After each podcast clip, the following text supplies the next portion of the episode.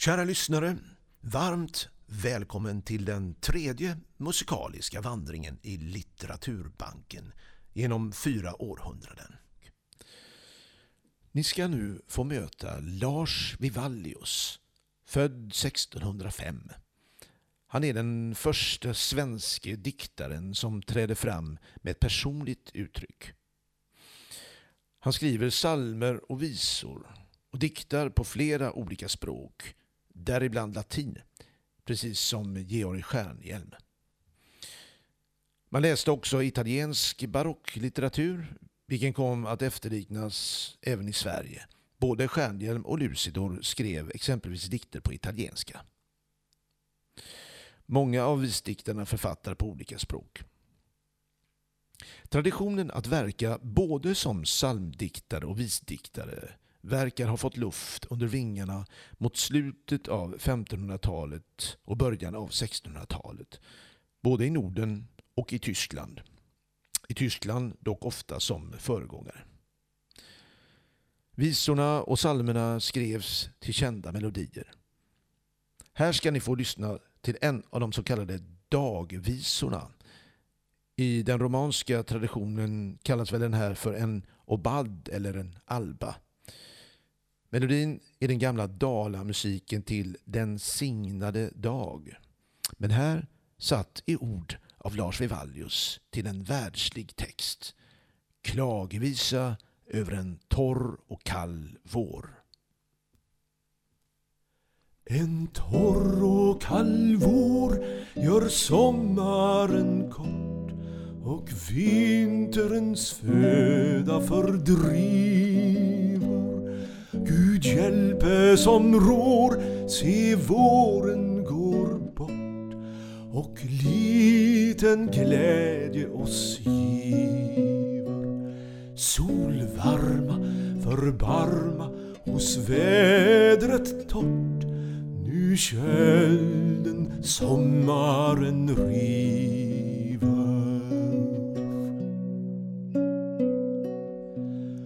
Gott majregn giv, lät ducka tätt ner, lät varmdaggörterna fukta och storkan bort driv, lät frostet ej mer det späda blomstren tukta.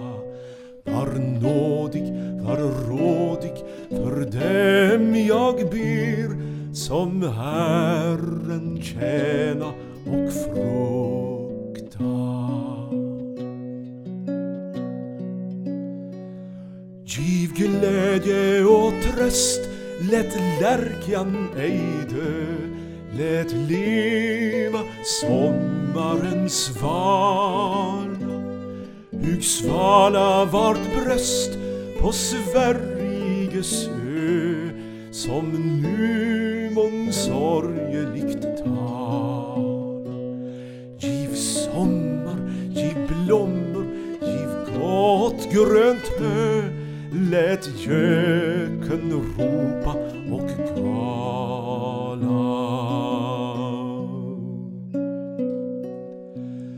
Lät skogen stå grön, lät jorden få frukt. Se till att intet oss tränger. Lätt fläkta en skön och härlig en lukt Av skogar, åkrar och ängar Lätt kransas, lätt dansas med fröjd och tukt. Lätt bäddas brokåta sängar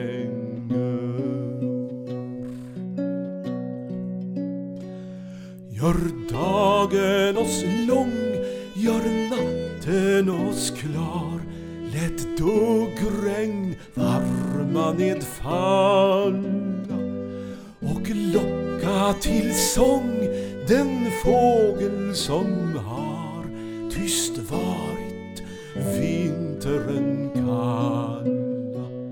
Lätt klinga, lätt springa, mångjon, mångt par himlet fröjdas människor alla.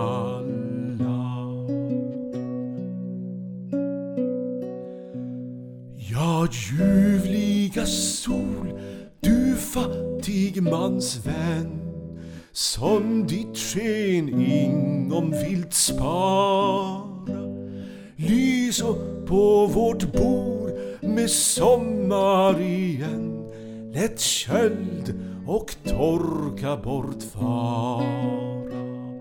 Nu längta, nu trängta kvinnor och män att gå i solskinet klara.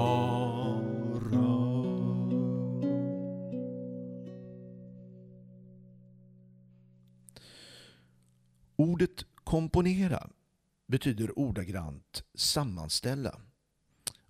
Och det var det här visdiktare gjorde. Skrev texter till melodier som redan fanns. Så arbetade Samuel Columbus, Urban Järne och Lucidor. Dessa tre kan till och med ha mötts under sin tid i Uppsala. Och så arbetade ju också som sagt Carl Michael Bellman mer än hundra år senare. Och Dalin. Musiken till en mängd av Olof von Dalins visor har på detta sätt nyligen återfunnits av musikforskaren James Massegale. Och därför kan vi sjunga ett hundratal av Dalins visor idag. Här är ett exempel på Dalins visor som vi tidigare hört i en första version av Israel Holmström. Och här heter den Kulna höst med regn och töcken och är skriven som en eh, replik på de tråkningar som Dalin fick utstå vid hovet hos Adolf Fredrik och Lovisa Ulrika. Det var väl hovfröknarna som frågade poeten när han tänkte gifta sig. Och till slut så tröttnade väl Dalin på det här och, och så skrev han ett svar i form av en visa. Kula höst med regn och töcken, bara backar, torra träd. Ängar magra som en öken, tomma fält och fåglars skrän. Isbelupna kärr och hagar, mörka gång och hala stig. Långa nätter, korta dagar. Sägen skall jag gifta mig. Horn som grönt, så många pannor tog det då och kröna min. Hustrus knorr samt hot och bannor värre är än själva hin. Skall jag tåla sura miner, buller, harm och orda krig? Vaggegods som illa viner, nej jag vill ej gifta mig. Tyst likväl i kalla sängar roligt är att ha kamrat. Vackra flickor, vackra pengar, vackra gods samt hov och stat. Vackra barn som ropar pappa, ack vad fägnad innerlig. Kyssa, ta i famn och klappa, jag tror väl jag gifter mig. Men ännu ett ord i laget, tänk om jag och Roger på en som är av förra slaget, hur vill det då gå? Får jag och av sista stycket och jag skulle enkling bli. Mån tro då mig hulpe mycket, giftermål och frieri Så står jag bland tvenne lågar Dock jag tror jag låter bli. Nej, stor sak, jag tror jag vågar. Lyckan står dem djärvom bi. Flickor kom, nej blir man ute Ack, vart skall man vända sig? Sist jag stannar i det slut. Gud vet om jag gifter mig.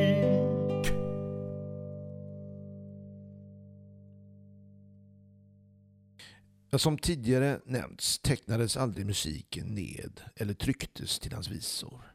Men han har alltså inte kunnat sjunga dem. En av förklaringarna att så få rekonstruktionsförsök har gjorts kan vara att det visat sig betydligt svårare att återfinna nedtecknad musik från 1600-talet än från till exempel 1700-talet. Källorna är få. När jag påbörjade mina efterforskningar hade jag inte heller tillgång till någon större mängd litteratur. Det finns faktiskt inte så mycket skrivet om det hela. Stina Hanssons Lucidor-utgåva från 1997 är naturligtvis standardverket när det gäller texterna här. Och det här går ju naturligtvis också att eh, eh söka på Litteraturbanken. Jag hade också tidigt förstått att den svenska psalmboken från den här tiden, Koralsalmboken från 1697 till 1695 års psalmbok, skulle bli en viktig källa. På 1600-talet gjorde man inte lika stor åtskillnad mellan sakralt och profant. Samma melodi kunde förekomma såväl i kyrkan som på krogen. Det är något som skiljer 1600-talet från 1700-talet. Därför kan dryckesvisor också ha sjungits till psalmmelodier. Poeter skrev både psalmer, visor och inte minst tillfällesvers för olika bemärkelsedagar, bröllop och begravningar. Det gäller både tyskt, danskt och svenskt språkområde. Jag inhandlade därför genast den nyss nämnda vackra psalmboken med ambitionen att försöka lära mig melodierna där. Mitt arbete skulle nämligen gå ut på att först lära mig Lucidors visor så att metrik och rimschema satt i ryggmärgen för att därefter kunna jämföra dem med olika melodier. Men detta är självklart inte den enda metoden. Via andra angivelser av till exempel diktarkollegor där översättningar gjorts kan man också komma möjliga melodier på spåren. Exempel på sådana diktare är Johan Rist från Wedel utanför Hamburg och holländaren Jakob Katz. En annan mycket viktig källa är föregångaren till Stina Hanssons utgåva. Den gamla Lucidor-utgåvan från 1914 till 30 av Fredrik Sandvall. Och den kan man också söka på eh, Litteraturbanken. Den består av två band och kommentardelen där har givit mig många ledtrådar i sökandet efter melodierna. Trots att Sandvall inte var musikvetare har han med stark intuition pekat i den riktning där melodierna sedan har kunnat återfinnas. Ytterligare en bok måste i det här sammanhanget nämnas. Margareta Jersilds skildringtryck med en katalogisering och konkordans över salmer och visor från den här tiden. Den boken har för mig fungerat som ett slags lexikon mellan 1697 års psalmbok och Lucidor-texterna. En av de första sakerna som jag gjorde när jag skulle börja studera Lucidor var att besöka Margareta Jersild på Svenskt visarkiv. Jag frågade henne om sången Skulle jag sörja då vore jag tokot” som ju är den kändaste av Lasse Lucidors visor. Och eh, jag hade hört att den eh, skulle vara skriven till eh, melodin Sorgen och glädjen, det vandrar tillsammans. Men för mina öron så lät det där lite mera 1800-talskt. Så jag frågade Margareta och Märta Ramsten som också då fanns på visarkivet om det här. Och de gick och letade och hittade någon bok. Men som så ofta i de här sammanhangen så blir det en hänvisning till en annan skrift eller bok. Och eh, när de kom tillbaka med nästa så fanns det ytterligare någon hänvisning och då visade det sig att det här var inte på svenska utan det var på danska. Sorg och glädje, det vandrar till Hobe. Och det visade sig i sin tur vara en eh, Eh, psalm av den berömde danske vis och psalmdiktaren Thomas Kingo. Så här låter Lasse Lucidors Skulle jag sörja då vore jag tokot med Kingos melodi. Skulle jag sörja då vore jag tokot fastän det ginge mig aldrig så slätt Lyckan min kan fulla synas gå krokot. Vakta på tiden hon lär fullgå rätt. All världen älskar ju vad som är brokot. Mången mått leva som ej äter skrätt. Olyckan växlar ju lika med lyckan allt vad begynsel har endast en gång. Drucken man haver ej allestädes hickan Lust följer gråten, gråt endast i sång. Den som på sanningen pekar med stickan kan lätt falla från sanningens spång. Himmelens daggplär på träden nerdugga men så snart jorden har gett dem nog saft att de kun trotsa skyn, vem kan kullhugga samma när yxan ens har inte skaft? Maskstångne kan man med fingrarna gnugga Mången tror vunnit vad än lyktan taft Ty lät man lyckan med olyckan strida intill jag ser ho som vinner för mig. Ingen mått skjutshästen allt för hårt rida. Tröttar du honom förtreter han dig. Fast om en måste förföljelse lida Modet blir fritt när som kroppen är ej. Ty skall mitt blod och mod osörjse vara lasaretts varken hat, avund eller tvång. Ingen tar sig göra mer än han kan svara. Rätt måste trots orätten hava sin gång. Fly med flit vem som kan slig olycksnara Fängsel gör längsel när lyckan är vrång Tänk min vän att man för den skull måtte leva. Lustig fast om det är mot ens behag. Lyckan hon vandlar sig kan sällan bliva. Vadan hon kom igår går hon idag. Ty har jag hoppet, vi lär en gång skriva att i olycklig är lustig som jag.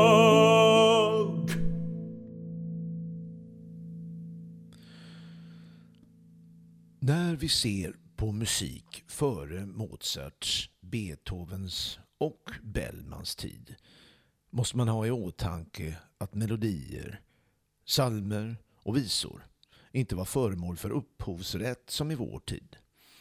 Man tänkte och värderade inte heller på det sätt vi nu gör. Melodier användes, lånades och återanvändes. Folkliga visor fanns i både sakrala och profana verk. Åtskillnaden mellan fint och fult var inte uttalad på samma sätt. En folklig melodi som L'Homme Armé kunde användas i en mässa och Josquin de Pré. En gammal 1500-tals koral kunde tas upp av Bach som Cantus Firmus och formas om i ett annat sammanhang. Flera av melodierna under Lucidors tid som man antagligen nyttjade kan ha varit av den karaktären. Soy och Gleu var säkert en sån melodi. Vi vet för övrigt inte var Kingo har hämtat den men den förekommer även på andra håll. Koralmelodin Werde munter mein Gemüte som Bach använde är komponerad av Johann Schob Men helt säker om det här kan man heller inte vara. Ja, man skulle kunna sjunga en av Lucidors visor till eh, den här melodin. Vad begär du hjärta lilla Visor, visor gör var man Men jag har valt en annan variant som jag återkommer till längre fram. Lasse Lucidor tillbringade sin barn och ungdomstid i Nordtyskland Och därför finns det anledning att anta att han utnyttjat melodier som var populära där strax efter mitten av 1600-talet. Att Lucidor var bekant med Paul Flemings diktning är känt. Några av dryckesvisorna innehåller också utrop som var typiska i deras tyska motsvarigheter. Som Ronda Dinella och Sa, Sa, Sa. Det beror kanske på att Lucidor kände till Johan Hermann Scheins eller Adam Kriegers omtyckta student och dryckesvisor från början respektive mitten av 1600-talet.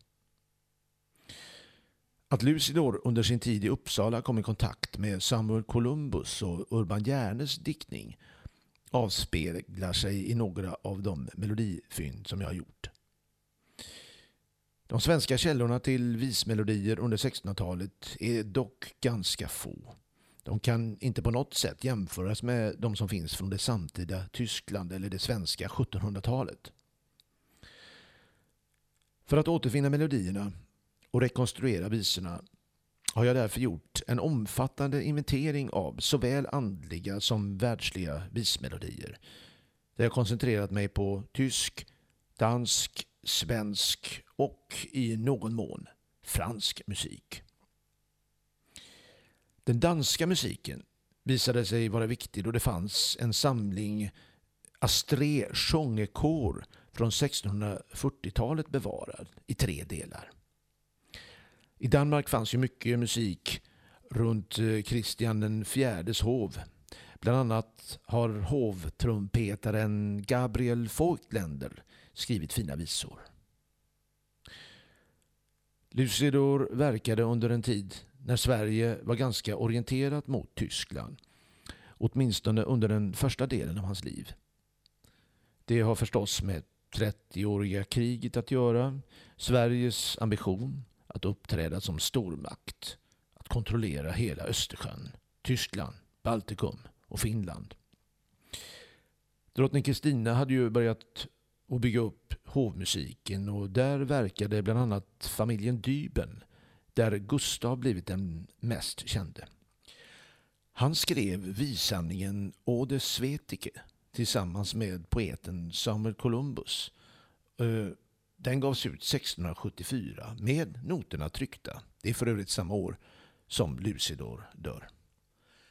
Det här var ovanligt. Som tidigare nämnts var det kostsamt med nottryck i vissamlingar på 1600-talet. Att söka sig mot Tyskland var alltså ganska naturligt. Och ett melodifynd jag gjort som senare blev en visa av Lucidor fick uppslag till av professor Jan Ling via en musikforskare i Lund, Greger Andersson, som kunde hänvisa till en bok från 1970-talet utgivet efter ett symposium kring andlig och världslig visa i barocken. En av utgivarna, professor Dieter Lohmeyer i Kiel, borde här vara en viktig kontaktperson, tänkte jag. I samband med att jag läste den här boken, Andlig och världslig visa i barocken, fick jag också upp ögonen för en annan bok. En roman av Günter Grass, Das Treffen im Telchte, som eh, behandlar eh, krigsslutet eh, 1648 och freden i Münster.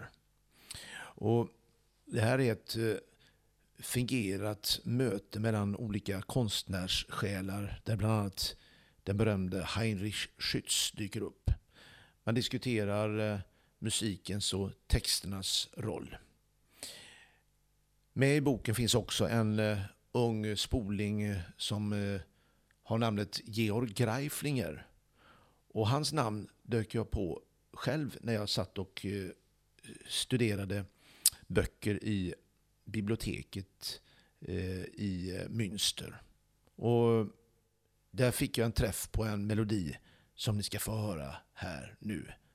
Alltså Lasse Lucidors text Vad begär du hjärta lilla och eh, Greiflingers melodi. Vad begär du hjärta lilla Visor, visor gör var man men jag vill din längtan stilla om det är möjligt och jag kan. Jag vill dig en sådan giva som jag har och kan förmå. Ja, så sant som jag vill leva, mitt skall allt till din tjänst stå. Men om du mig ej vill höra och begär likväl en sång vill jag dig till viljes göra giva dig en lagom lång.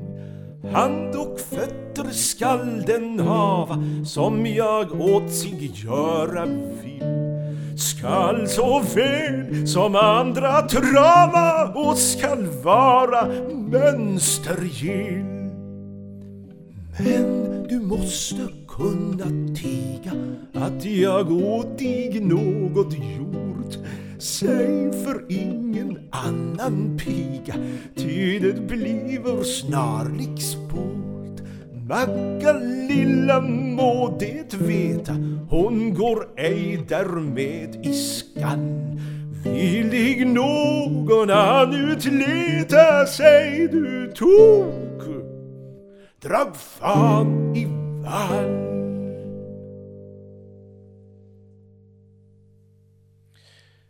Musiken vid hovet under drottning Kristinas tid präglades alltså av tyskar.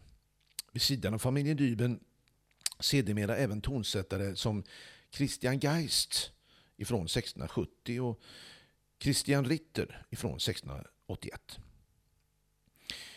Vid 1600-talets början hade Sverige starka band till Tyskland, inte minst på musikens område. I språkligt avseende var faktiskt Sverige halvt om halvt en tysk provins. Tyska visor sjöngs och gnolades. Tyska böcker fanns i riklig mängd och svenska poeter skrev själva gärna på tyska. Den protestantiska rörelsen och den lutherska reformationen satte politiska kulturella, litterära och musikaliska spår i vår kultur. Bland annat i form av koraler och salmer.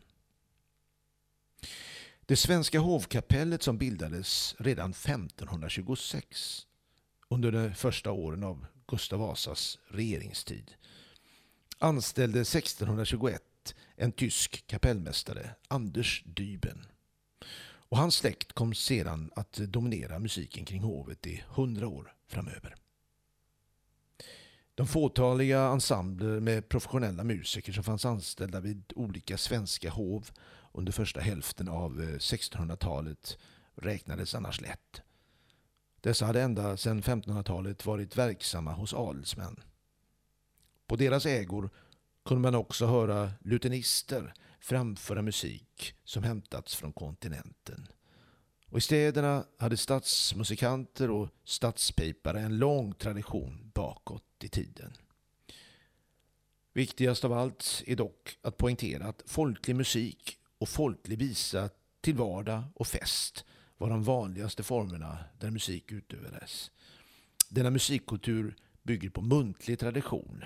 Man lär sig att spela och sjunga utan noter.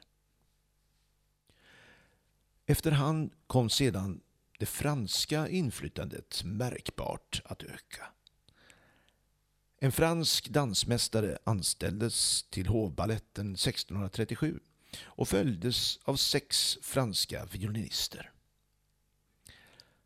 Under drottning Kristinas regeringstid 1644 54 blomstrade kulturlivet vid hovet.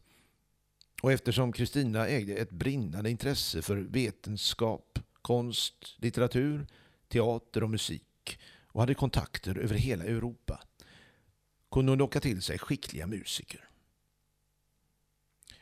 Under hennes regeringstid fanns ensembler från Frankrike, Tyskland och Italien vid hovet för att medverka vid opera, balettföreställningar och konserter. År 1652 kom den italienska truppen till Stockholm under sin ledare kompositören Vincenzo Albrici. Och 1653 fanns det tre kapell samtidigt vid hovet. Ett tyskt, alltså det gamla hovkapellet. ett franskt och ett italienskt. Det tyska och franska slogs sedan samman medan det italienska var självständigt och fick lämna Sverige efter drottningens abdikation 1654. Mer om den tyska och franska musiken kommer i nästa musikaliska vandring i Litteraturbanken.